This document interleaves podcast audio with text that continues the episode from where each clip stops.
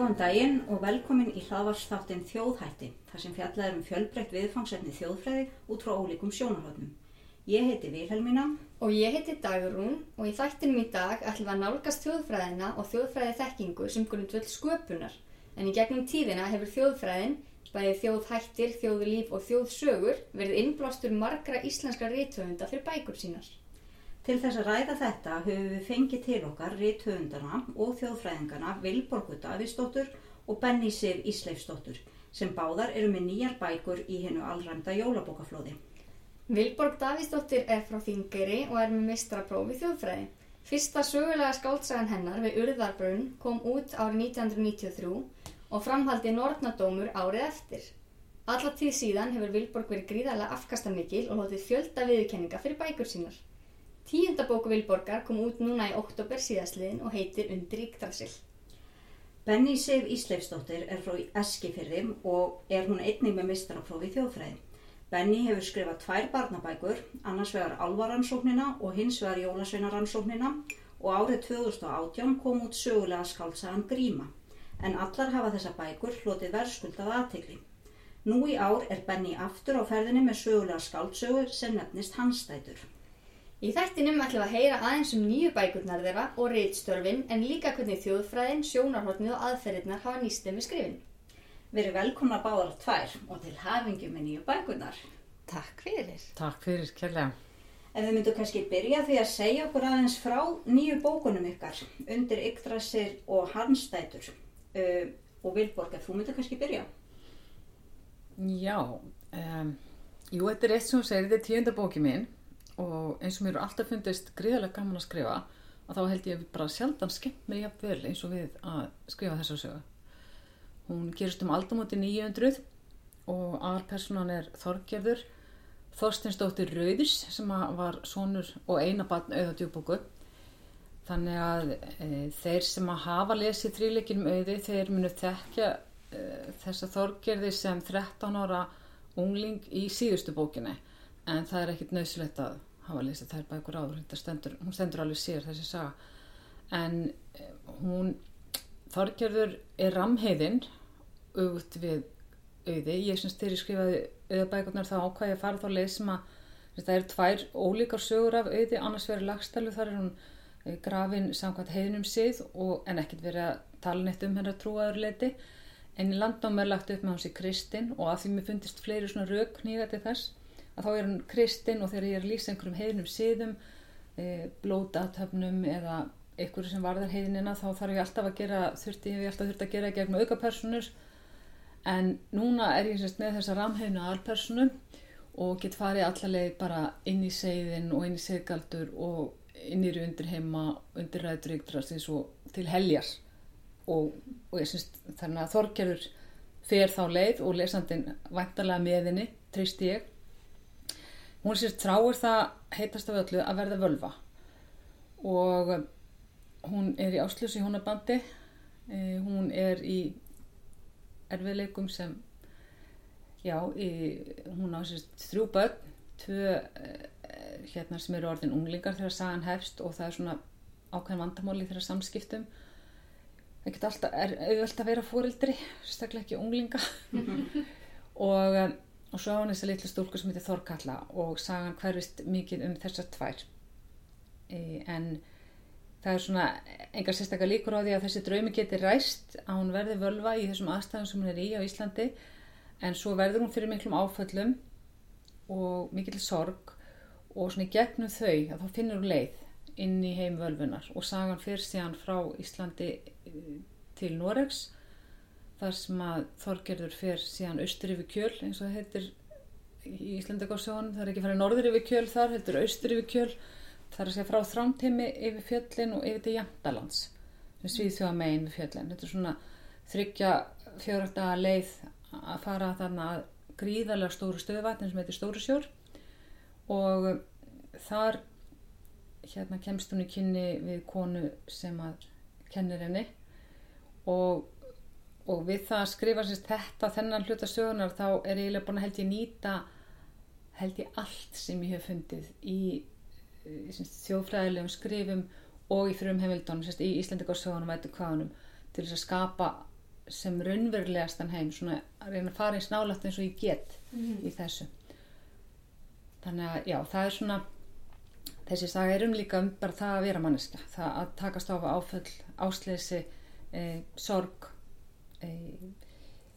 að, að eiga svona þrár og svo er þetta líka í aðra röndina vissulega e, heimurinn sem að heimurinn e, hefur skapað fólki. Þar að segja það sem að yfirnáttúrulega heimurinn er jafn raunverulegur fyrir fólki eins og bara fyrir okkur í dag. Það sem er ósýnilegt og við trúum og vitum að það er til eins og útarspilgjur eða, eða blátönnin eða hvaðina sem við vitum að er þarna og það er einhver sérfræðingar sem þekkja þetta þetta er ósynlegt en við tristum því þetta við vitum bara að þetta er þarna. Mm -hmm.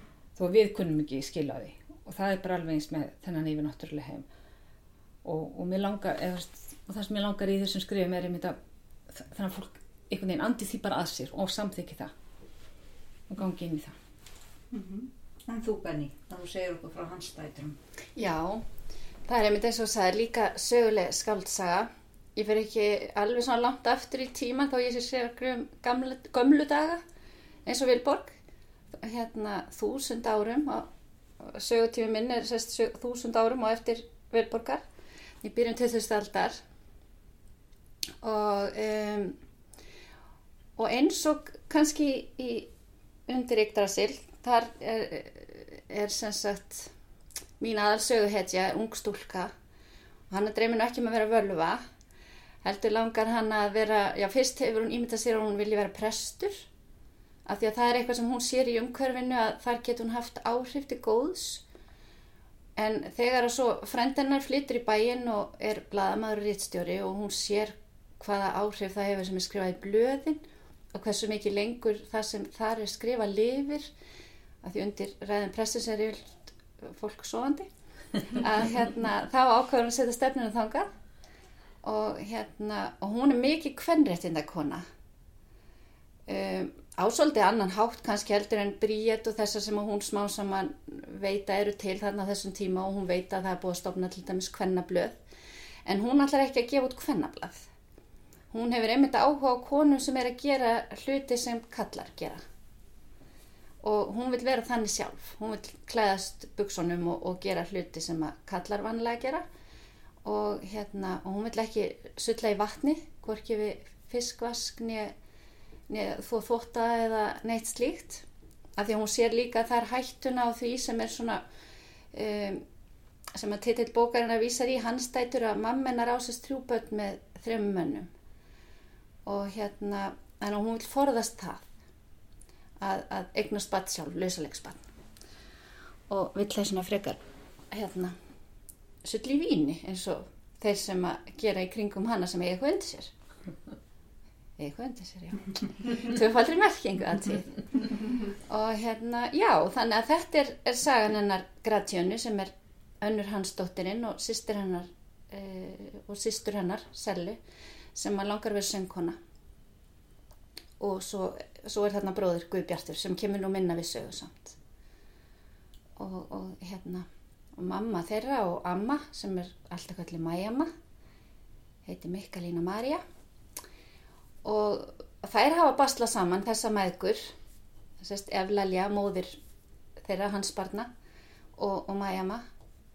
En svo kemur þarna bróðir Eflalju með sína uh, dönska konu í bæin og í upphafi sögu eru þau að flytjast öll til, uh, til hans á heimili hans í bladahúsi vegna þess að, að borga um mist lífslöngunina því hún misti bann og þannig að þær fara þanga og Eflali hefur svona tala sinn á bróðu sinn að, að fá að gera það og kemst þar múið sínu reysi og Gratjana finnur þar allt í hennu einhvern svona eitthvað svona um, eitthvað svona einhvern svona grundvöld fyrir því að draumarinn geti rest með því að hún er orðin komin í þetta virðilega samhengi að vera frænka reytstjórnans en ekki bara dóttir móðusinnar og hún hefur mikið svona tilbrunns að bera og sagast að styrum um þetta þegar hún reynir að greiða sína leið og selju sýstur sinnar og, og rannvegar vinkonu sinnar mm. og svona ímissa í, í, í kringum hana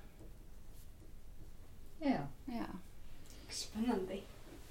En einmitt, þið talið báðar um að þið notið hérna, heimildir við ykkar skrif og hérna, ef þið getið kannski aðeins sagt okkur frá því, bara Vilborg, að þú byrjar.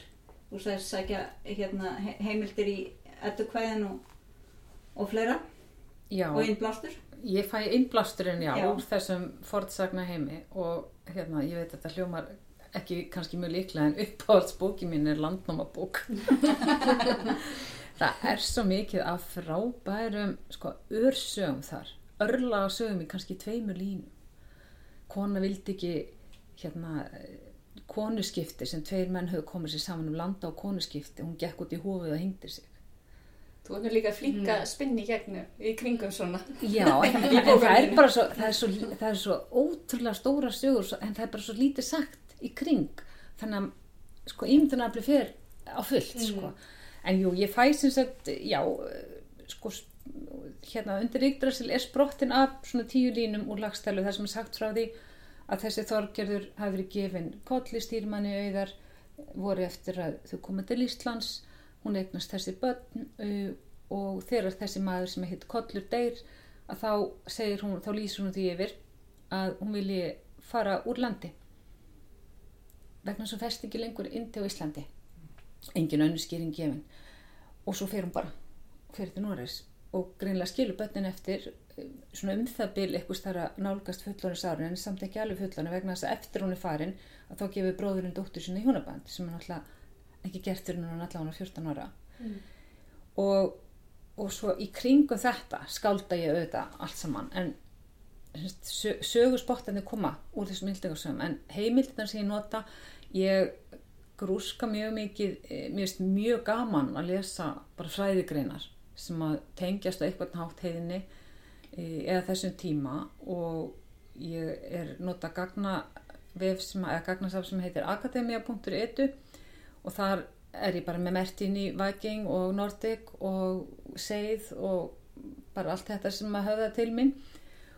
Og reyndar líka hérna Austurveg eða hérna vikingar í, í hérna Rúslandi eða Austur-Európ og svo framvegis og þannig fæ ég allt og mikið af fræðigreinum í póstalum mitt, bara allt og allt og mikið. Og ég tek allt svona sem ég líst vel á og ég nægi það bara.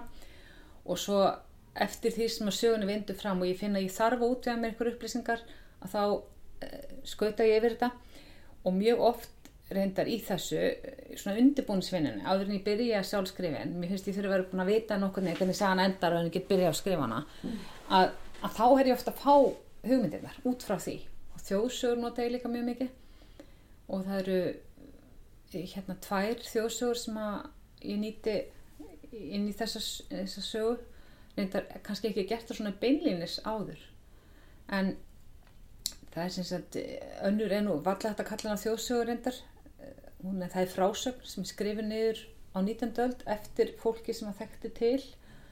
En jú, hún er visslega með þjóðsagnablaði hún er svona dæmigjar álfasaga. Það er lítið strákur sem að er að berja mó með sískinu sínum í undafyrði og þau krakkarnir er allir með týnslukoppa og það er gerald við stóran stein og þar eh, losa þau úr berja í látunum og svo týnist þessi strákur, 6 ára gammal hann bara hverfur, hann guður upp og það er fyrir að leita allir, og hann hafði sést síðast við hann á stóra stein og hérna en hann finnst ekki og það eru gegna fjörur og það er svona ströym, ströymur í fyrðinum í ánni og, og það er óttast að hann hafi kannski farið að vaða og ströyminn tekja hann.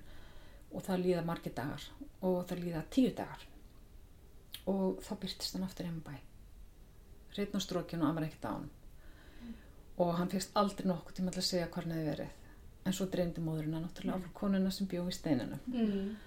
og sem að baða hana að hugsa ekki illa til sín og hún hefði bara velja verið drengnum góð og, og sagan bérreinda fyrirsögnuna var Davíð hjá Olfum þetta var sérst langa langa um minn Mm, ok. og hérna það er semst það er ekki fullist þetta er svona svolítið dæmigjart kannski fyrir þjóðsögurnar. Við erum ekki að segja að þetta hafi verið svona en Við trúum því gjörður svo vel að draga þess álíktun sko, já, já, en svo náttúrulega sko, svo ef þú setur ef þú myndir nú setja þessa sögu inn í 2001. öldina hvar myndir þú halda að drengurinn hefði verið í tíu daga? Við myndum komast að einhver annar álíktun lögurgla myndi fór þetta er það ekki? Þannig að hérna, já, þessi saga er sagt e, hluti af er, hluti af því sem að atbyrðarásin, svona kveikja að hérna ákveðnum atbyrðum í sögu. En svo hérna já þjóðfræðan er bara svo endalus uppspretta að sko hún opna mann skilning. Og eitt af þessum sem ég þurfti að gera þessari sögu var einhvern veginn að skilja hvernig kemst fólk inn í annan heim? Hvað þarftu að hafa til að geta fram með seggaldur og ég man svo vel eftir því ég var reynda búin að skrifa fjóra bækur áður en ég byrjaði þjóðfræðinum sín tíma. Byrjaði höstið 2001 og, og einn af fyrstu kursan mínum var Norren Trú hjá Terry Connell. Og hann byrjaði að tala um þetta hugtak sem heitir aðeinsku liminality.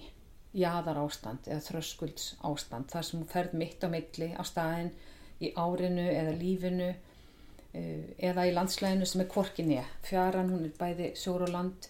Eh, dögunin, þú ert kvorki nóttunni degi, þú ert að gifta þig þá ertu kvorki ógiftni gift. Þú ert brúðurinn. Allt þetta ástand, þarna þetta bil áramótin eða sumarsólstöður, vetrasólstöður þar sem að þetta er alveg á mörkunum. Það er svona þunn hula. Þar getur þú farið inn á milli og komist inn í hinn heiminn. Yfir náttúrulega heiminn er einhvern veginn þar aðgangur án inn í öllum þessum bílum og ég man hvað ég var svona bara ég greip andan lofti þegar þetta rann upp fyrir mig. Já og þetta er út um allt í þjóðsögun maður er alltaf að sjá þetta einmitt nákvæmlega svona. Og svo þegar fólk setur upp grímu og það, þú ert þú en þú ert samt ekki þú. Vert, þetta finnst mér svo frábært. Og, og ég gæti nota þetta einmitt til þess að skilja hvernig e, væri hægt að teikna upp þess að segð aðtöfn þannig að það væri samfærandi og mann líka eftir sem kursi þá byrja hann nefnilega, ég held að verðum að fara að læra bara goðafræði. En þá byrjar hann á sko hellaristónum eða steinristónum í Alta í Norður Noregi. Og myndir af fólki að dansa sem er greinlega með einhver horn eða, eða með og svo er hann að tala um grímur og svo náttúrulega las maður drama árið til svona drama en Skandinavia. Og hann eiginlega ákvæða sko hvað bíaverkefni mitt væri. Um, ég ætlaði að sko þrælhald í Íslandikursjónum og allt sem kemur fram með þá, neini það er lungubórskuðin það allt sagði Terri og, og sagði neini þú ert að fara að skrifa um grímur og grímpúninga þá hafði ég alpaði út í mér í ingangskursinum þegar við vorum að tala um öskudagsíðinu og eitthvað svona að það væri svona 13. síður heim og þingari sem ég ólst upp við og er enn lífi góðu lífi mm -hmm. það sem að krakkar ganga í hús á 13. og eru dölbúin og þegar ég var allst upp þá þurftum að vera alveg dölbúin þú máttur alls ekki þekkjast núna er þetta meira svona líkingu við öskudaginn mm -hmm. Eins og hann er á Akureyri og í Reykjavík en áfram gengi í hús að þetta er líka lítið þorp sko en sérst, já, Terri ákvað það fyrir mig að, að ég ætla að skera vettánsans og Þetta er svona kaffivél með sjálfslökku búnaði. Sjálfstæðan vilju. já, hún er bara slekkur á sig, maður er ekki notana. En já, bara sérst, þetta með, já, að, að þegar þú ert með grímu, þá ertu líka að fara inn í einhver mörg þannig að ég setti þetta allt saman inn í þess að segja aðtöfn þannig að allt sem ég er eiginlega búin að læra síðan 2001 er á einhvern hátt hluti af þessum bókum mínum. En kannski sérstaklega með þessi skilningur sem að þjóðfræðin færi manni bara á af hverju við erum eins og við erum af hverju gerum við það sem við gerum. Mm -hmm. En þú Benny hvaðan sækir þú innblástur og, og svona heimildanótkun? Já, ég hann er kannski áhört að taka þetta upp þarna þar sem þú endaðir með þjóðfræðina, það líka held ég allavega hvað mér var þar hérna, mér fannst það líka bara auka við sín ekki bara á allt í kringum ég heldur jáfnvel að bara á mig sjálfa. Að hérna þú veist að einhverja svona einkjænlega áhuga mál sem maður á sjálfur og hafa, þetta verið kannski fræðið maður barn upptekinn af gömlum tíma, þú veist, ég man eftir mér að grúska í eskju sem er svona byggðasaga eskverðinga þegar ég var krakki og mér fannst það eitthvað svo dásanlegt og mér fannst það svo merkilegt að sjá myndir kannski af fólki sem ég þekkti þá sem gamalt fólk í bænum að þau stóði einu svona fyrir utan gamla grunnskólan eða eitthvað svona. Og hérna og mér alltaf svona frekar fundist ég svona svolítið einkennlega með þennan áhuga sko. Það er kannski svona eitt dæmi en þannig ég held að þjóðfræðin hafi gert það ekki síst sko að hérna hérna, já svona upplegaði mig sem að mín maður væri ekkert svo einkennileg. Og það væri bara alltaf lægi að vinna svolítið með það. Og hérna, en svo náttúrulega algjörlega er það allt þetta, hérna, það er líka allt áhugavert. Anna, allt annað fólk og, og allir aðri siðir og, og allt sem fólk er að gera og hefur áhuga á og, og sinnir á áhuga og krafti og, og segir skemmtilega frá því þó að það sé ekki beinleins inn á manns eigin áhugasviði en það er samt áhugavert. En varðandi hérna svona heimildavinnu eða forvinnu fyrir þessa bók að hérna þá byrjaði ég á af því að mér er alltaf svo nöfn alltaf svo eh, hugstæð það finnst þau svo ægilega merkileg. Þannig að eh, nöfnin voru eiginlega það fyrsta þegar ég var búin að staðsetja söguna og búin að ákveða að hún ætti að vera fyrir vestan og mér langaði að skrifa bók sem að gerist þar af því að hérna, föðufjölskylda mín er í vestan. Og þarna í byrjun 2000 aldar var ég líka búin að setja niður. Að þá fór ég og hérna, ég var á Sauðakróki þá.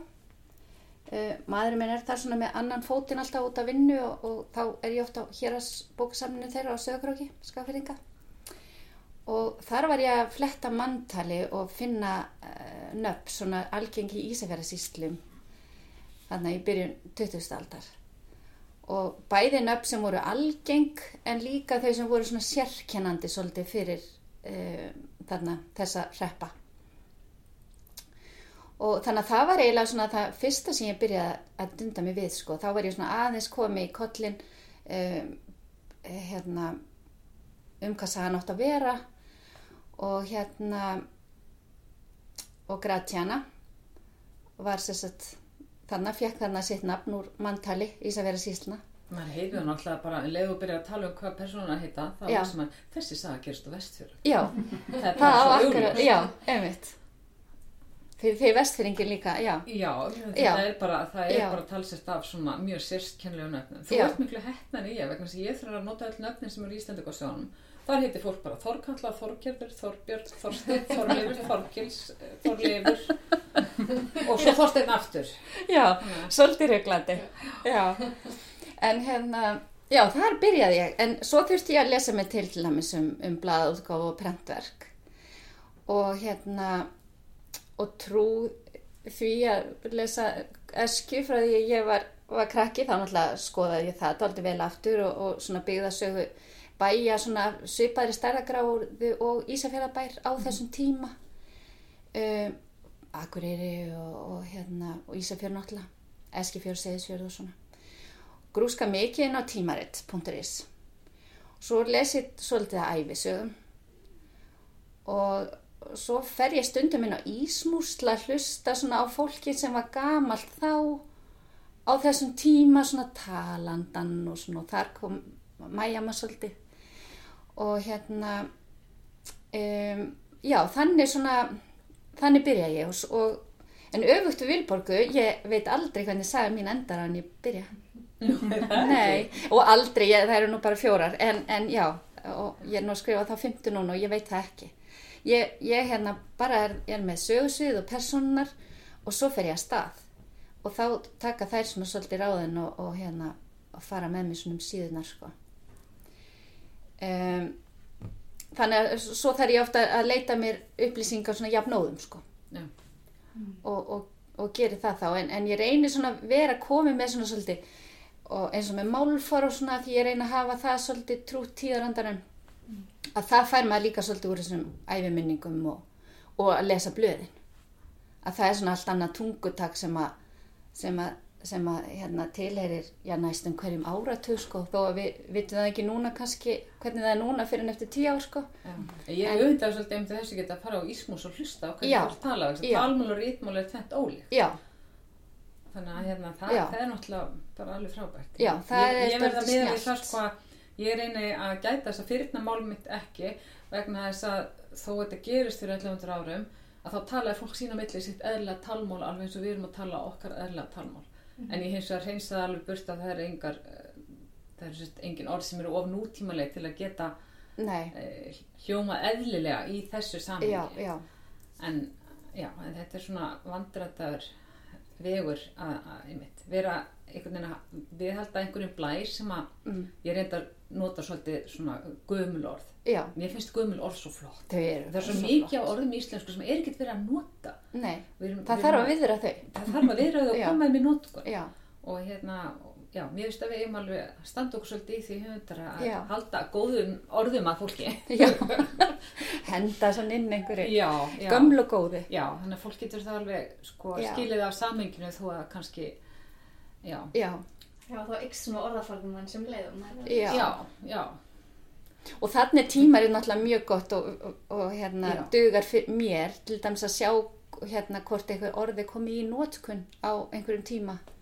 Eða bara, þú veist, einhver kaka sem einhver allara hræri eða og, og þú veist, maður það kannski aðtöða, þú veist, hvaða opnar voru eða og þá er ég að tala bæðið um grímu og, og þessa sko.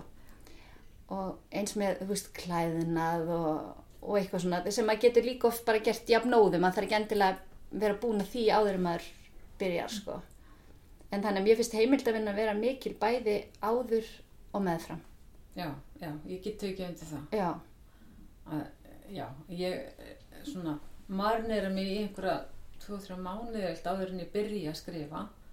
Þá er ég komið þetta svona nokkuð mikið í hausinn, sko. já, En svo er maður alltaf að tekka á einhverju jafnóðum Mhm. sem kemur upp af því að það er svona poppar upp hugmyndali, já, heyrðu, ég ger það fyrir eitthvað svona og, og svona, þú veist, eins, eins og segi, þó ég sé búin að ákveða og viti hvar sagan endar áður en ég byrja, að þá er oft leiðin þanga mjög krókótt, sko, og, og getur tekið alls konar hérna, breytingum á leiðinu, sko. Og ég til dæmis að ég taki nú bara dæmi af bókinu sem að heitir Auður og þá átti það náttúrulega ekki að vera þríleikur, heldur ein saga, ein bók. Og ég átti að náttúrulega því bara stutt eftir ég byrjaði að hún myndi ekki enda á Íslandi þessi saga, það væri ekki ploss fyrir það, það væri bara ekki síðans. nei var og, og stór saga til þess að komast fyrir í einni bók. en svo hef ég náttúrulega í hérna álfa og jólasennaransóknum það er svona 90 þjóðfrændald öðruvísi. Og af því að það eru náttúrulega með þjóðsagnaverurnar og, og þá hef ég farið með náttúrulega daldið í af því að almennt er ég svona með að þessa hérna, þrískiptingu þjóðfræðinar þá er ég kannski minnst í þjóðsagnafræðinni sko. ég var ekki badd sem las hérna uh, Jón Átnarsson Jón svo myrkvelni, ég hef ekki litla líf þóra að klukki það sko, því ég var badd Ég Þannig ég kom svolítið græn. En, en hérna, ég vil samt benda á hérna, safnum mitt hérna á Jóni Óttarssoni. Þessi hérna er þetta eftir sundur, hérna fyrsta bindi æfintýrunum. Þetta var lúslesið þegar ég var krakki. Pappi já. las þetta alltaf fyrir okkur og svo las ég þetta sjálf þegar ég var að starfast þannig að ég var bara í byggðasögunum og las svo, þú veist, hérna... Já, meira þjóðlega fróðleik, já, og, og bara hérna, svona, það voru svona æfir ljósumæðra og skipstjóra og hjókurunarkvenna og alls konar svona til, til dæmis. Og ég hafði rosa, ég hafði alltaf svo gaman að því einhvern veginn að vita að þessi, þú veist, átti þennan maka og þessi börn og þau fóru hingað og þangað og eitthvað svona. En þjóðsögunar, já, það er núna, sko, Já.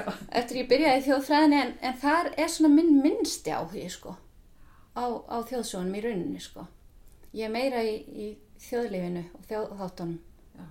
Ég fikk eins og, já, ég þetta allt saman höfða til mér, sko, en ég- ég var hérna í nýjendabækki á heimaðist hér á skóla Manúpi og þá var ég svo, hérna, duglega í skólanum.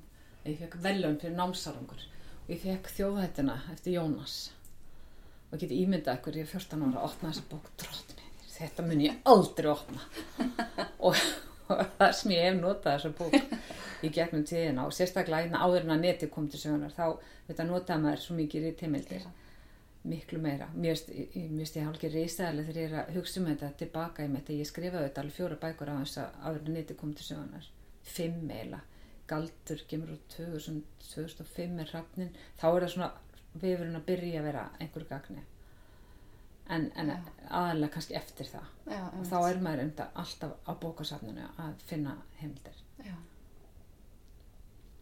já, það er talsvært mikið breytt núna sko. Jú, ein heimild sem ég nota líka sem er náttúrulega ekki þjóðfræðileg en, jú, og þó, jú, það eru landakortin. Ég, ég bara, ég reyndar með átta viltustu manneskjum sem ég veit um en, e, e, semst, og kannski þess vegna sem ég þarf að hafa kort fyrir fram mig af svæðinu sem að, þar sem að sögurnar gerast, hvort sem það er þá bara dalitin sjálfur eða, eða hvort það er öll Skandinavía eða jafnvel Östuröður og Bóistrarsaltið, svona nú síðast. Og, og hérna, og örnefni líka. Já. þau finnst mér rosalega heillandi. Mér finnst mjög gaman að velta fyrir mér og skoða örnefni og skilja þau og sjá út, út frá hverju þau eru. Já, hvernig þau verða til orð sifjafræði og örnefnafræði það finnst mér mjög heillandi. Það er mjög heillandi. Ég man ég fór einhvern tíðan á fyrirlestu varandi hérna örunefni og, og það var þessi, það var einhver þrískipting og ekki náttúrunöfn, nýtjanöfn og, og hérna man ekki alveg hvað þriðja var. Jú, sagnanöfn þá var það þess að hérna hvort að það tengdist einhverju sögn þú veist eins og það væri bara vilborgar klettur af því að einhver úrslega sagan því hefði gerst þar skilur Já, og nýtjanöfn þá var það kannski eitthvað sem tengdist þú veist hvernig það var nýtt staðurinn eða bletturinn eða hvað það var sko. Og náttúrunöfn var þá örgulega hverju það líktist svona að sjá, þetta var eitthvað svo leis einhver eldri maður sem þetta var mjög áhört mm. Já, það verður mjög áhugavert kannski að fá að heyra aðeins meira um svona þegar þeir eru að skapa sögusviðið og svo sögu persónunar því nú er þeir báðar hafi verið að skrifa svolítið um svona sterkar kvennpersónur líka og svona kvennlegt sjónarhóttn og kannski svona þá erfiðleika sem að konur á árum og öldum áður glýmdu við eða verið til að segja okkur aðeins frá því? Já. Sko til dæmis varðandi hérna að ég með detti það bara svona strax í hug að, að því ég hef alltaf haft áhuga á þessum gamla tíma allavega smún lesa Guðrunu frá Lundi og þið veitir alls konar sögur sem gerast þannig í, í den. Og hérna en það fer aldrei nokkuð mára klóstið og ég er bara oft búin að velta þessu fyrir mig og líka bara þú veist í þjóðfræðin að vera að segja eitthvað, þú veist það, hvernig það var þessar kvöldsögur og allir voru þarna á vökunni að vinna og þú veist og fólk er veikt og allavega og það og hún tók að þessir að sinna þessum rúmlíkjandi og, og svo leis og ég er alltaf að hugsa, en hvernig fóruð þið svo að, Fó- þú veist, drösluðu þau þeir sem voru lasni bara, þú veist, út í fjósið eða hvernig var þetta? Og þetta finnst mér bara alltaf ofbóðslega áhugavert því að auðvitað þarf þú veist hver að koma sér á þann kamar eða fjósið eða hvað sem í bóði var. En svo er það konur sem að setja uppi með allt hitt og, og þurfa svona, já og náttúrulega bara konur meira í þessum neðan mittisvesinni eins og Gratjana kallar þetta sem að gerir konur svo svona fastar heima við. Og þetta kemur aldrei fram inn í bókum. Þannig að það var mjög meðvitað hjá mér að, að hérna, Gretjan er slæmi mannum og hún þarf mikið að nota svona og tala mikið um þetta um mjög umhjóð um hvernig kamrar eru til dæmis. Og það er eitt af því sem henni finnst best við að vera að fara að flytja í blaðhúsið það er svo snirtilegu kamarinn á frendinar og svo er besti vinnur hennar einn er hérna kamarhinsunar maður meðal annars. Hann alltaf bæðir hinsa kamarana og færi vatni til fólksins. Og hérna og svo skáld í þokkabót um, en já að því að veist þetta er svona eitt af bara því sem að hver var þetta spurningin?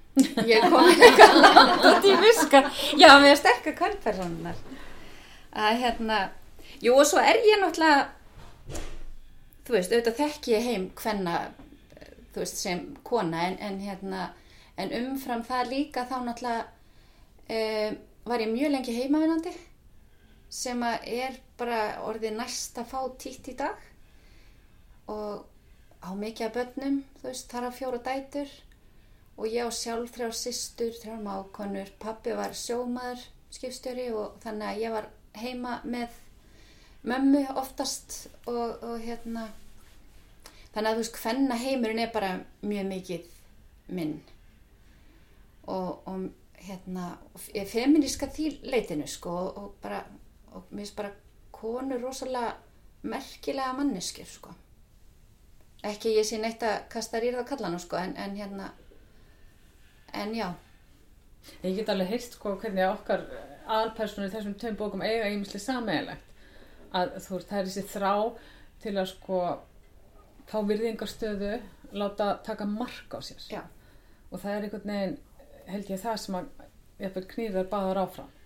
Og kannski okkur margar konur að við viljum gjarnan að sér tekið marka okkur og það, við sem viðkendar og, og það er með þorgerði mína hennar löngun að verða völva. En auðvitað líka þetta að vita hvað framtíðin byrja skuðið sér. Hún er auðvitað ekki feministi, hún er ekki hvernig þetta kona en vegna þess að það fyrirbæri er auðvitað ekki til í þessum heimi.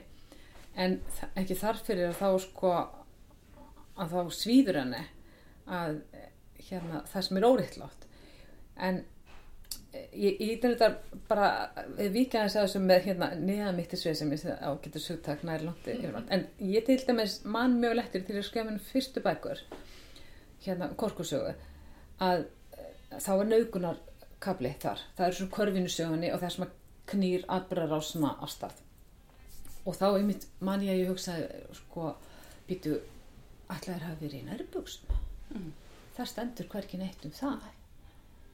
Hvað gerðu þær eða voru blæðingum Já. það er aldrei neitt um það. Og ég fyrir að að leita hérna einhver, einhverjum upplýsingum en það er auðvitað ekkert um það að hafa.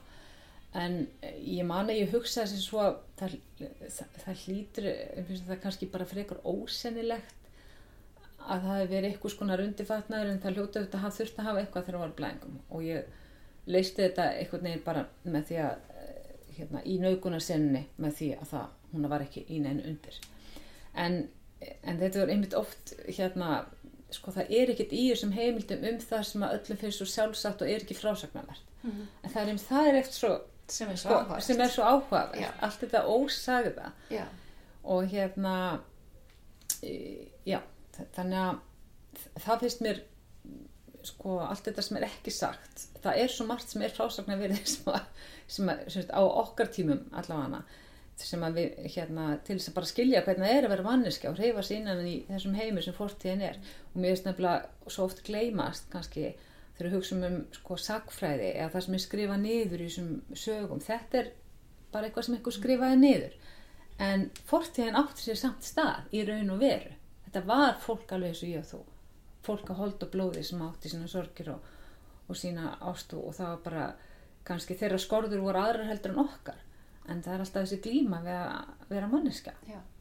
þannig að, já, Og þá er einmitt svona bara praktíski hlutir einmitt eins og með, með klósett og blæðingar sko. já og svo Það líka eins og segir þetta hlutfjörsk hvenna þær þurfa alltaf að sjá um gamla fólki, veika fólki og börnin Já. og, og hérna og, og öll þessi vinna kvenna sem er einhvern veginn af því hún hefur alltaf verið ólaunuð er ennþá kvennastörf og þá illa launuð í dag. Það er áðssonar við þetta rætur í þessu að það er alltaf hort framhjá því hvað þetta er mikil vinna. Og til dæmis í blóður í jörð síðustu bókinu menni þrjuleiknum um auðvitjúbóku að þá hérna byði ég á því sem það er sagt þegar hún kemur til Íslands og hún hafi verið mjög auðug.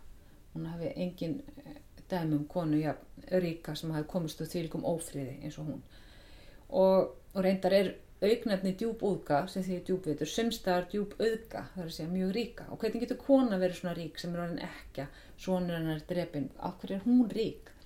Og, og ég hugsaði með mér, ég þarf einhvern veginn að gera það sannfærandi og þeirri niðurstöðu að hún gæti alveg hafa orðið rík af því að vera hérna að búa til segl á vikingarskipin það er svona við dáumst af vikingunum fyrir þessi stórkostlu skip sem voru náttúrulega mjög merkilegt afrið þetta er ný tekni og ótrúlega mikil verkþekking og kunnáttar sem þarf til þess að smíða svona skip. En þau fari ekki langt eða það er ekkert segl. Og seglun er búin til að konum þetta er vinna kvennana í dinginu. Þær þurfa að e, kempa öllina og, og, hérna, og spinna úr henni og síðan að vefa úr henni. Síðan þarf að þæfa seglið og það þarf að byrja í þetta hérna, tólk og, og, gera þetta vars og vindþjætt og þetta er náttúrulega gríðalega stórt. Þetta eru hérna ég sem laðist svona heimildur um hérna segl, seglagerð. Og það hefist verið gert með þessum aðsfærum sem voru notað á vikingaöld á skip sem var endur smíðað eftir hérna frummynd í, í Róskilde. 90 fermetra segl. Þetta er tveggja ára verk fyrir eina konu. Ef hún er í, full, í fullir vinnu og öll af 200 kindum. Og sko þessi vinna er jafn, þetta er jafn dýrt fyrirtæki að búa til þetta segl eins og að smíða allt skipið. En þetta er hvergi nefnt. Aldrei sagt orðum þetta. Menn eru með svona kenningar um hvernig var hægt að gera svona stór segl hvernig voru þá borða, hvernig voru renningarnir festi saman líklega með leðri af því þetta náttúrulega geimist ekki í jörðinni sko. seglinu er náttúrulega bara notið upp til akna gerir maður á fyrir og svo hérna ef að menn eru hérna grafnir í báta þá þetta eðist þetta ef það er segl með. En þetta er semst vinnuframlega kvennana og þetta er hvergi. Semst, þannig að ég gerur svolítið mikið með þetta í blóðurjörð að, að lifta upp þessu framlagi allir þessu ósýnilega. Mhm. og svo finnst mér líka bara mikilvægt í sögunum ekki bara að sína heim kvennana heldur bara allra þeirra sem eru ósýnilegir. Veist það eru öll þessi börn það er allt þetta fatlaða fólk e, fólk sem að, ég meina þeir sem eru samkynniðir þeir sem að eru bara einhvern veginn eða það er ekki minnst á Ekki kallar. þeir sem eru ekki kallar sem eru að berjast. Já, já. og hérna og til dæmis í, í þessari sögu undir Yggdrasil þá er ég uh, líka að fjalla um einelti grimt einelti. Það er ekki, það var ekki fundið upp á vorum dögum. Og líka bara til dæmis, svo ég nefni aftur uppáhaldsbókin með landnámi, það þvílegt safn af skrautlegum auknefnum og sko það skín alveg í grimdina og meinfísnina í gegnum þetta. Einhver maður hérna einn, einn af, ein af systrum Þorgerðar er, er gift manni sem er kallar Eisteinn Meinfretur. Og, og sko það er ímislegt svona.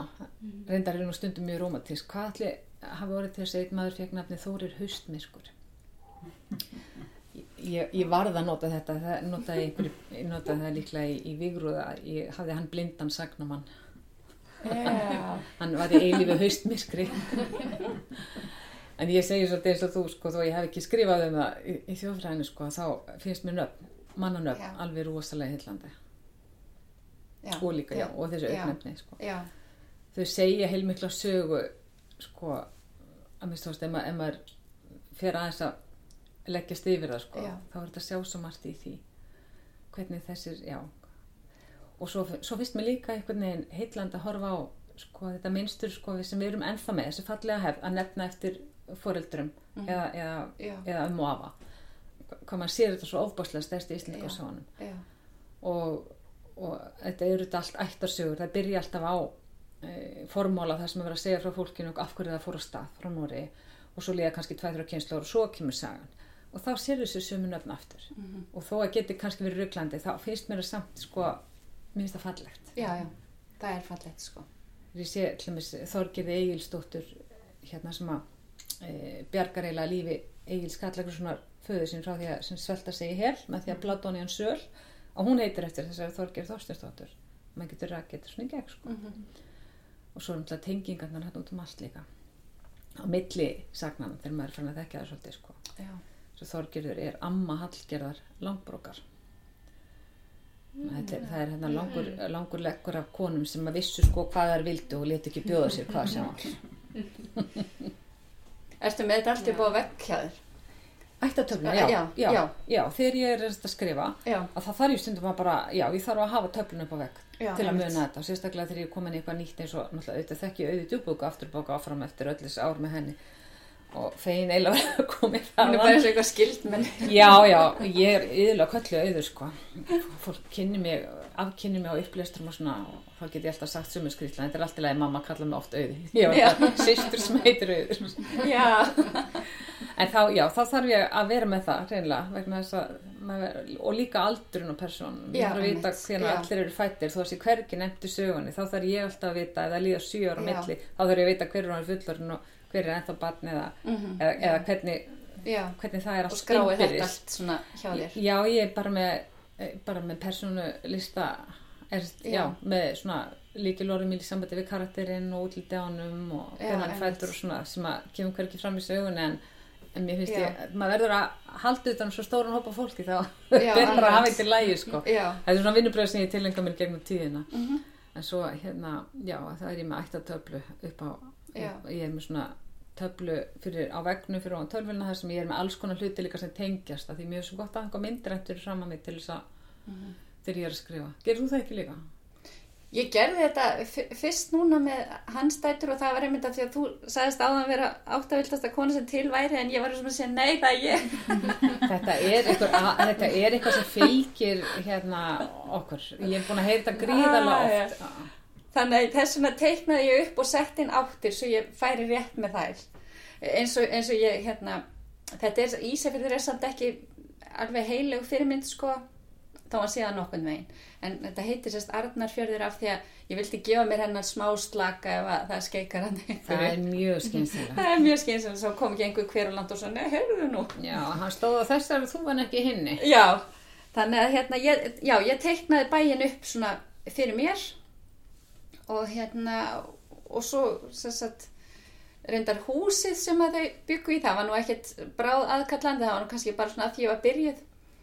En svo einmitt þegar ég skilaði inn handrituna þá bað reitstjóri minn um hérna, þá vildi hún fá, e- einmitt það sem þú lýsir að, þú hafið þá fyrirfram átti, ég var bara svona með í kollinum á mig sko, hvenna personur eru fættar og hvað eru það gamlar og, og, og svona ímislega sem hún vildi hafa bara til liðsjóna þegar hún var að lesa yfir bara svona að tvítjekka á mér sko. Og mér fannst það mjög sniðut og náttúrulega mjög þægilegt að hún skildi það hafa gert það og, og, og þar með svona passa betur upp á þetta hjá mér. Svo kannski hérna mun ég nota það meira en, en hérna en eins og með grímu af því að þar er eskifjörðu fyrirmyndin sko þó það heiti samt ekki eskifjörðu þar heldur sko heldur fiskifjörður af því að það getur nú svo sem verið bara hvað sem, hvað sem er. Að þá var ég nú bara með þetta svona í kollinum sko. Bæ, bæinn minn svona cirka Já.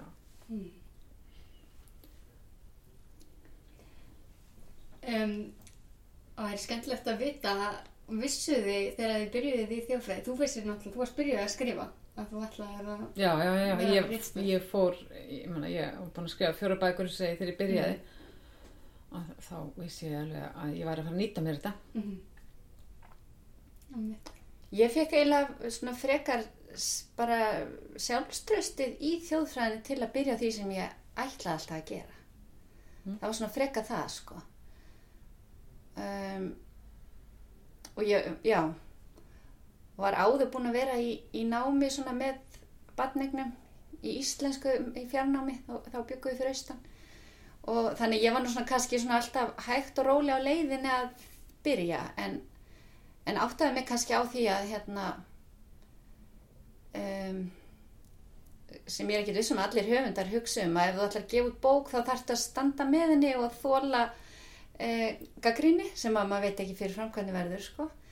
og hérna og koma fram og svona og, og hérna og ég held ég hafi ekkert verið tilbúin í það neitt mikið fyrir sko og, og einhvern veginn var bara líka mjög upptekinn að ég að vera mamma sko. Það var alltaf drauminn nummer eitt eða stóra fjölskyldu. Og hérna þannig að þetta var einhvern veginn svona svolítið réttu tími fyrir mig. Að hérna þegar að hérna ég var búið með þjóðfræðina að, byrja þá. En klárlega gaf það mér alveg sko ótal márt sko.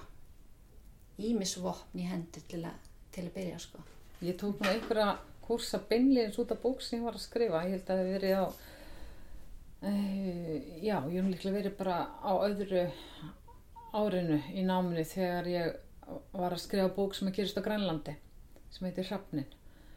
Og já, hún kom bara út árið sem ég útskrifaðist í bíðanáminu. Og þá, hérna, gæti valið eins og maður getur auðvitað valið úr öðrum greinum þá var verið að kenna í mannfræðinni kurs sem að hétt etnografía, innúita og norðurslóða.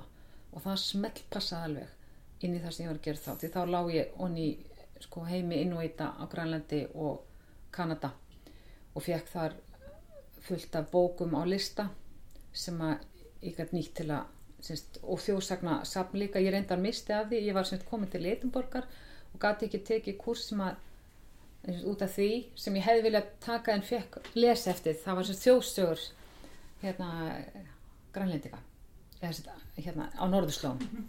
Kurs sem ekki snýrist bara um norðurslóður sem var inn á þjóðfræðinar sem ég hefði alveg viljað taka en, en, fekk, en með því að þetta líka farin í þjóðfræðan þá, þá eignast maður auðvitað vini og tengingar og fær að vita hver er með hvað sérsveit. Þannig ég hef alltaf gert það mjög mikið ég leita til þeirra sem ég veit að vita betur en ég og, ég, og, og það er náttúrulega þetta bara alveg indislegt líka í þessu fámenni sko. Að ma- maður getur bara smelt á messenger og hent spurningu og hinga og þanga og sagt heyrðu, hvernig er með þetta og þetta? Þannig að ég þek, og ekki bara þjóðfræðingar heldur forlega fræðinga og, og, sakfræðinga og svo framvegi sko. Þannig að þannig Já. nýtast, nýtast þessi tengst og ég fer alltaf, á alla opna fyrirlestar sem er í bóði bæði hjá í þjóðfræðinni og í sakfræðinni þegar það er, sérst, er bara póstlistan og það finnst mér alveg frábært. Ofsalega gaman að læra þjóðfræða þú eru ekki að fara á ákjörninu próflestri eða rítgera smiði með hann eitt sko. það er bara dásamlegt. Já, ég hérna segi það sama sko, ég hérna reyndar ég það er nú kannski að fara að temja mig það meira að hérna ég held alltaf svo þétt að mér að það er yfirlega enginn búin að lesa neitt fyrir en að þetta fer til hérna rittstjóra eða á forlag Það er nú eins, það ger ég líka, ég get ekki, mér finnst ég að jinxa hlutan með leiðingur að sjá já, ég held að sé hún svo les Það er einhver ótti í mér við það að- sko. já. Þú veit að veita, einhverjir eru þannig, þeir láta lesa yfir fyrir sig, eh, eða svona, jafnúðum eitthvað, ég Já. bara, Ég er, er, ég er að byrja í því núna en það er bara því að nú er ég búin að fá hérna rittstjóra sem, sem að passar mér svo vel og, og hérna sem ég tristi þannig að e, hún er einmitt núna með hálft handrit í yfirlestri en það er í fyrsta sinn sko en ég hef ekkert vannum á að að hérna leita aðstofa sko. En, en það myndi oft spara mér mikið grúsk. Ég geri það því að stundum leggst maður í að þarf að aðtöða eitthvað og, og tekur langan tíma en það enda kannski einu setningu. Og, og hérna þannig ég mætti alveg vera duglegur við það að, hérna, ég veit hvort ég allavega sendi línu ég þarf að vita eitthvað er norrann trú það er vilborg Ég fekk á leksíu nefnilega einmitt hérna mjög snemma á mínu ferli, sko, einmitt þetta þú ert að segja, hvað maður getur grúska mikið og svo verður ekki að neinu. Já. En þú þarft samt að hafa þekkinga á já. bakið. Þú þarft að lesa henni þar einhvern veginn að finna hans sé, hans sé örugur. Hans sé, það sé ekki að byrja í hann, sko. En það var sérst þannig að hérna 1991 þá byrjaði ég að skrifa og, og ég man þessa tímasetningu nokkuð vel vegna þess að ég hafi verið í fjölmilanámi tók hérna diplomanámi í hannýtur fjölmilun og þess átti ég tölvu, hafi fengið hana og svo satt þessi tölvu hérna í stofinu og horfði á mig og spurði ætlar að reyna að skrifa bók? Eða ætlar að vera róla veist, og veist ekki hvort þú getur hann um að reyna það. Þannig að ég ákvaða að reyna það og hafði alltaf haft henni áhuga á að á hérna bara fundist mjög gaman að lesa sögulega skáldsögur á ennsku og líka lesið sögulega skáldsögur í íslensku og vildi fara eins aftarlega í tíman eins og ég geti og, og byrja á landnámsveldinni og svo saga gerist á sama tíma og svo sem ég er að skrifa núna öll þessum ára setna um alltaf mútið 900 en ég hef aldrei verið í sveit ég er alveg upp í sjáaþorpi þar sem að hérna, já, ég hef aldrei verið í sveit. Og vissi ekki valla hvað snýri fram og aftur á, á kúkir belju. Og hérna og þurfti að læra rosalega margt þess að sagði þetta gerist í sveit. Og eitt af því sem ég var búin að ákveða var að fyrir þennan kapla þar sem að korku er nöðgað að þá þarf ég vera búin að búa til spennu og svona drama á milli hennar og gerandans áður.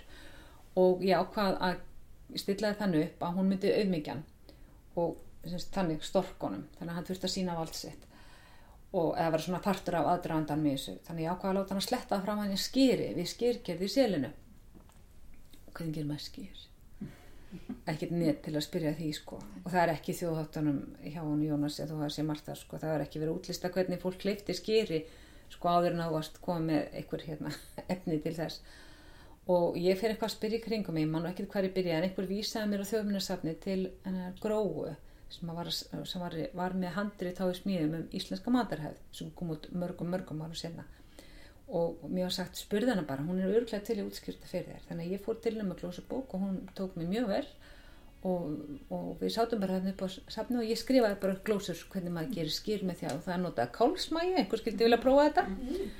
Og hérna getur vel verið í glósið þar einhver stað og svo fór ég að skrifa kaplan og sett inn kálsmagan og hvað þarf að býða lengi og svona framvegis. Og, og síðan hérna e, þegar handrið er komið í, til útgefandans og, og þau lesa þetta yfir og hérna sérst, ég fór með áður það var endar full klárað ég var búið með eiginlega það sem var síðar fyrir bókin og hálunum með setni og þá sögðu, jú, jú, þetta er ágætis handrið en þú veist að fækka hérna persónum með eina kynsluð og, og svo er það þetta með skýrið fólk hefur ekki alveg svona mikið náhuga á skýrgerð þú þarf eiginlega að stýtta þetta aðeins þessar þessa, hérna, þessa blaðsjöðu hérna, skýrgerð já, já, hvað og nýr hvað já, þið, þær setningar væri bara fínt sko.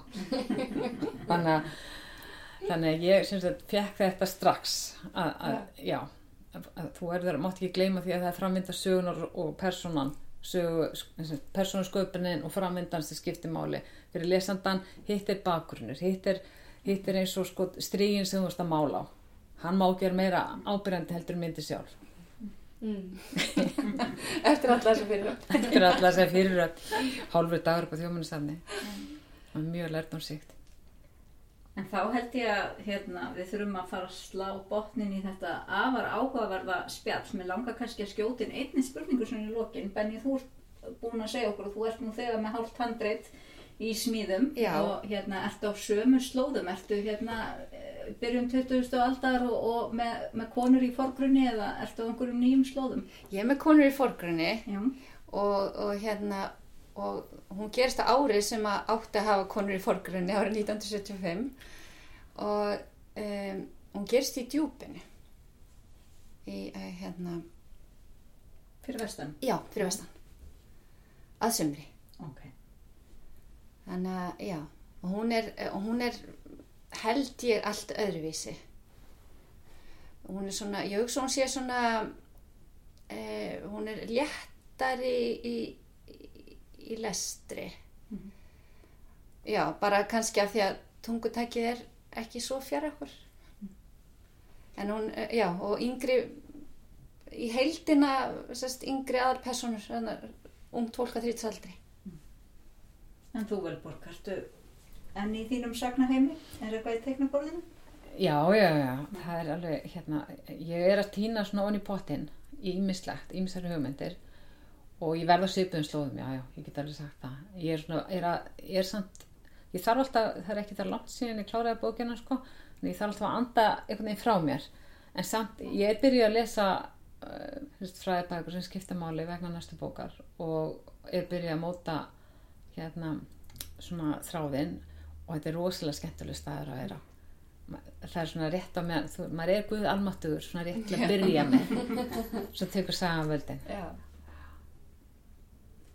Já, spennandi. Við bara þökkum ykkur kærlega fyrir spjallið og við þökkum þeim að hlusta kærlega fyrir það og hvetjum alla til að skella sér út í búð eða á netið, því netverslun er alls ráðandi þessa dana til að panta bækurnar núna fyrir jólin.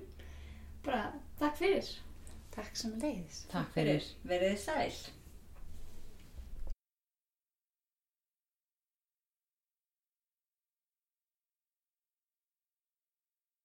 Takk fyrir.